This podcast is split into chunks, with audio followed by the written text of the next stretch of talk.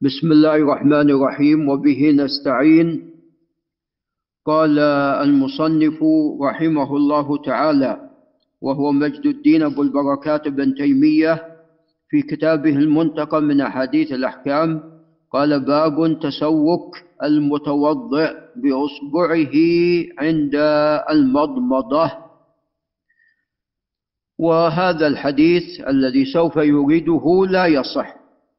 وذلك لأمرين فيه شخص مجهول والأمر الثاني أن حديث علي رضي الله عنه قد جاء من طرق كثيرة ليس فيها موضع الشاهد. فلذا هذا الخبر لا يصح فلا شك أن التسوك يكون بعود الأراك وبنحوه كفرشاة الأسنان. ولكن قال بعض أهل العلم إذا لم يكن عنده شيء فكونه يستعمل أصبع في دلك أسنانه أولى من أن لا يستعمل ماذا؟ شيئا. لعل الأستاذ علي ينتبه يعني إذا كان لم يكن عنده شيء كونه يستعمل أصابعه في دلك أسنانه هذا أولى من أن لا يفعل ماذا؟ شيئا. نعم. فإذا لا بأس لا بأس باستعمال الأصابع في دلك الأسنان إذا لم يكن عند الإنسان شيئا. نعم لا عودا ولا فرشاة نعم. قال عن علي بن أبي طالب رضي الله عنه أنه دعا بكوز من ماء فغسل وجهه وكفيه ثلاثا وتمضمض ثلاثا وهذا سوف يأتينا بإذن الله في صفة الوضوء. فأدخل بعض أصابعه في فيه هذا موضع الشاهد. وهذا كما تقدم لا يصح. للأمرين المتقدمين لجهالة من هو في الإسناد والأمر الثاني أن حديث علي جاء من أوجه أخرى ليس فيها ذلك. قال واستنشق ثلاثا وغسل ذراعيه ثلاثا ومسح رأسه واحدة وذكر باقي الحديث وقال هكذا كان وضوء وضوء نبي الله صلى الله عليه وسلم رواه أحمد. قال باب السواك للصائم. أي ما حكم السواك بالنسبة للصائم؟ بعض أهل العلم كره السواك للصائم وذلك بعد الزوال كما هو عند الحنابلة. وبعض أهل العلم قال هو مستحب في كل الأوقات وفي جميع الأحوال سواء كان الإنسان صائما أم مفطرا وسواء كان قبل الزوال أو بعده وهذا هو الصحيح هذا هو الصحيح لما سوف يأتي. قال عن عامر بن ربيعة رضي الله عنه وهو العنزي أو العنزي لأن عندنا عنز بن وائل وعندنا عنزة بن وائل. نعم ونسيت هو من أي البطنين من وائل. وقد حالف بني عدي فهو العدوي حلفا. قال رأيت رسول الله صلى الله عليه وسلم ما لا أحصي يتسوك وهو صائم. رواه أحمد وأبو داود والترمذي وقال حديث حسن. وهذا لا يصح ضعيف. قال وعن عائشة رضي الله عنها وعن أبيها قالت قال رسول الله صلى الله عليه وسلم من خير خصال الصائم السواك وهذا مثله أيضا لا يصح. ولكن معناهما صحيح قال البخاري وقال ابن عمر رضي الله عنهما يستاك أول النهار وآخره. نعم. ويدل عليه الحديث الذي بعده قال وعن أبي هريرة رضي الله عنه عن النبي صلى الله عليه وسلم قال لخلوف فم الصائم أطيب عند الله من ريح المسك. متفق عليه. وبه احتج من كره السواك للصائم بعد الزوال. قال لأنه يزيل رائحة الخلوف رائحة فم الصائم. ويقال أنه ثبت في الصحيحين من حديث أبي هريرة لولا نشق على أمتي لأمرتهم بالسواك عند كل صلاة. وفي رواية أيضا في البخاري معلقة عند كل وضوء. وعند كل صلاة وعند كل وضوء عندنا صلاة الظهر بعد الزوال وعندنا العصر بعد الزوال ولو توضأ الإنسان قبل المغرب وهو صائم فكل هذا يعني يستحب له أن يتسوق في هذه الحالة. نعم. ف يعني ما من ذهب إلى كراهية ذلك آه، خلاف قول خلاف الدليل. قوله خلاف الأدلة التي جاءت. قال باب سنن الفطرة. نعم الفطرة هي الخلقة. فهناك سنن فطر الله عز وجل عليها الناس تميل النفوس إليها. نعم فهذه السنن قد جاء تأكيد الشارع عليها وهي أمور عظيمة وجاء أن هذه السنن هي عشر كما سوف يأتي.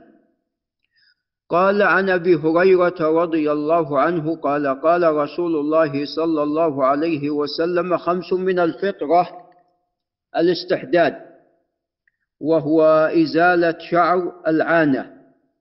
نعم. بالموسى. فهذا من سنن الفطرة وهذا له حد هو أن الإنسان لا يدع ذلك أكثر من أربعين يوما. نعم. طبعا الشعور ثلاثة أقسام شعر يجب تركه وهو شعر اللحية وشعر نعم لا يجوز تركه وهو الشوارب والاستحداد لا يجوز تركها أكثر من أربعين. وباقي الشعور مسكوت عنها. نعم. قال والختان. والختان قد اختلف أهل العلم في وجوبه أو أنه مسنون. نعم. والأقرب أنه ليس بواجب ولكنه سنة متأكدة وهو من الفطرة. وعدم وقول بعدم الوجوب لأنه لم يأتي دليل يعني فيه الأمر بذلك. وإن كان القول بوجوبه قول قوي. قال وقص الشارب. نعم لا يترك أكثر من أربعين يوما. ونتف الإبط.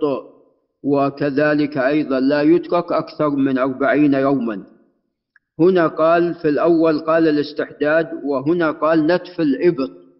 فإذا قوي الإنسان لعل الأستاذ أبو بكر ينتبه إذا قوي الإنسان على النتف فبها ونعمت. وإذا لم يقوى فيستعمل ما الاستحداد في إزالة هذا الشعر. قال وتقليم الأظفار. نعم. لا يجوز أن يترك ذلك أكثر من أربعين يوما. نعم. وبعض الناس قد يدع شواربه طويلة وقد يدع أظافره أيضا طويلة وهذا تشبه بمن؟ نعم. وبالحيوانات. يعني القطط نعم. ولها أظفار الحيوانات نعم. فهذا تشبه بالحيوانات. وقد كرم الله عز وجل بني آدم. قال وعن أنس بن مالك رضي الله عنه قال وقت, وقت لنا. والذي وقت هو الرسول صلى الله عليه وسلم.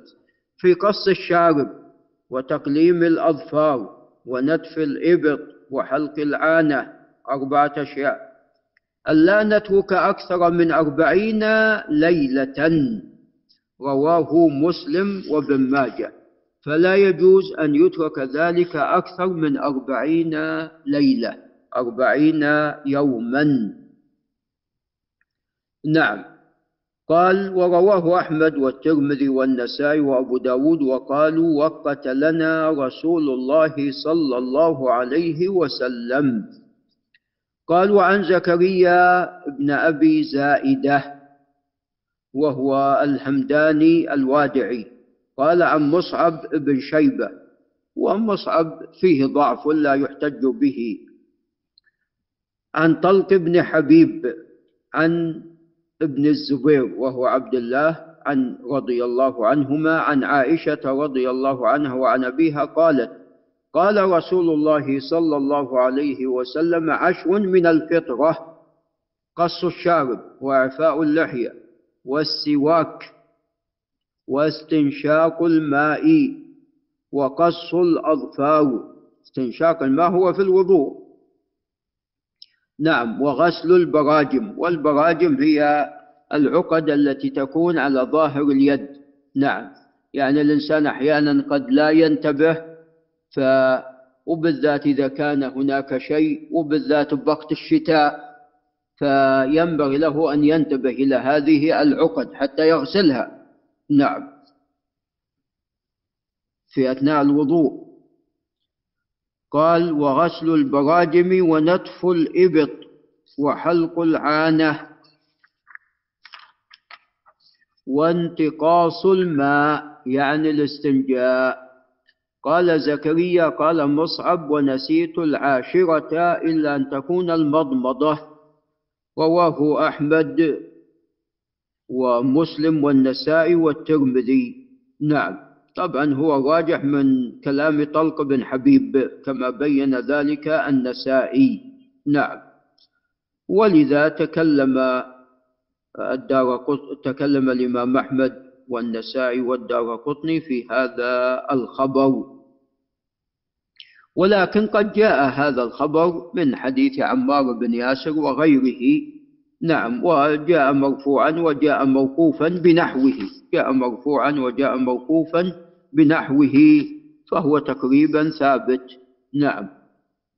ولعل نقف عند هنا. هذا وبالله تعالى التوفيق.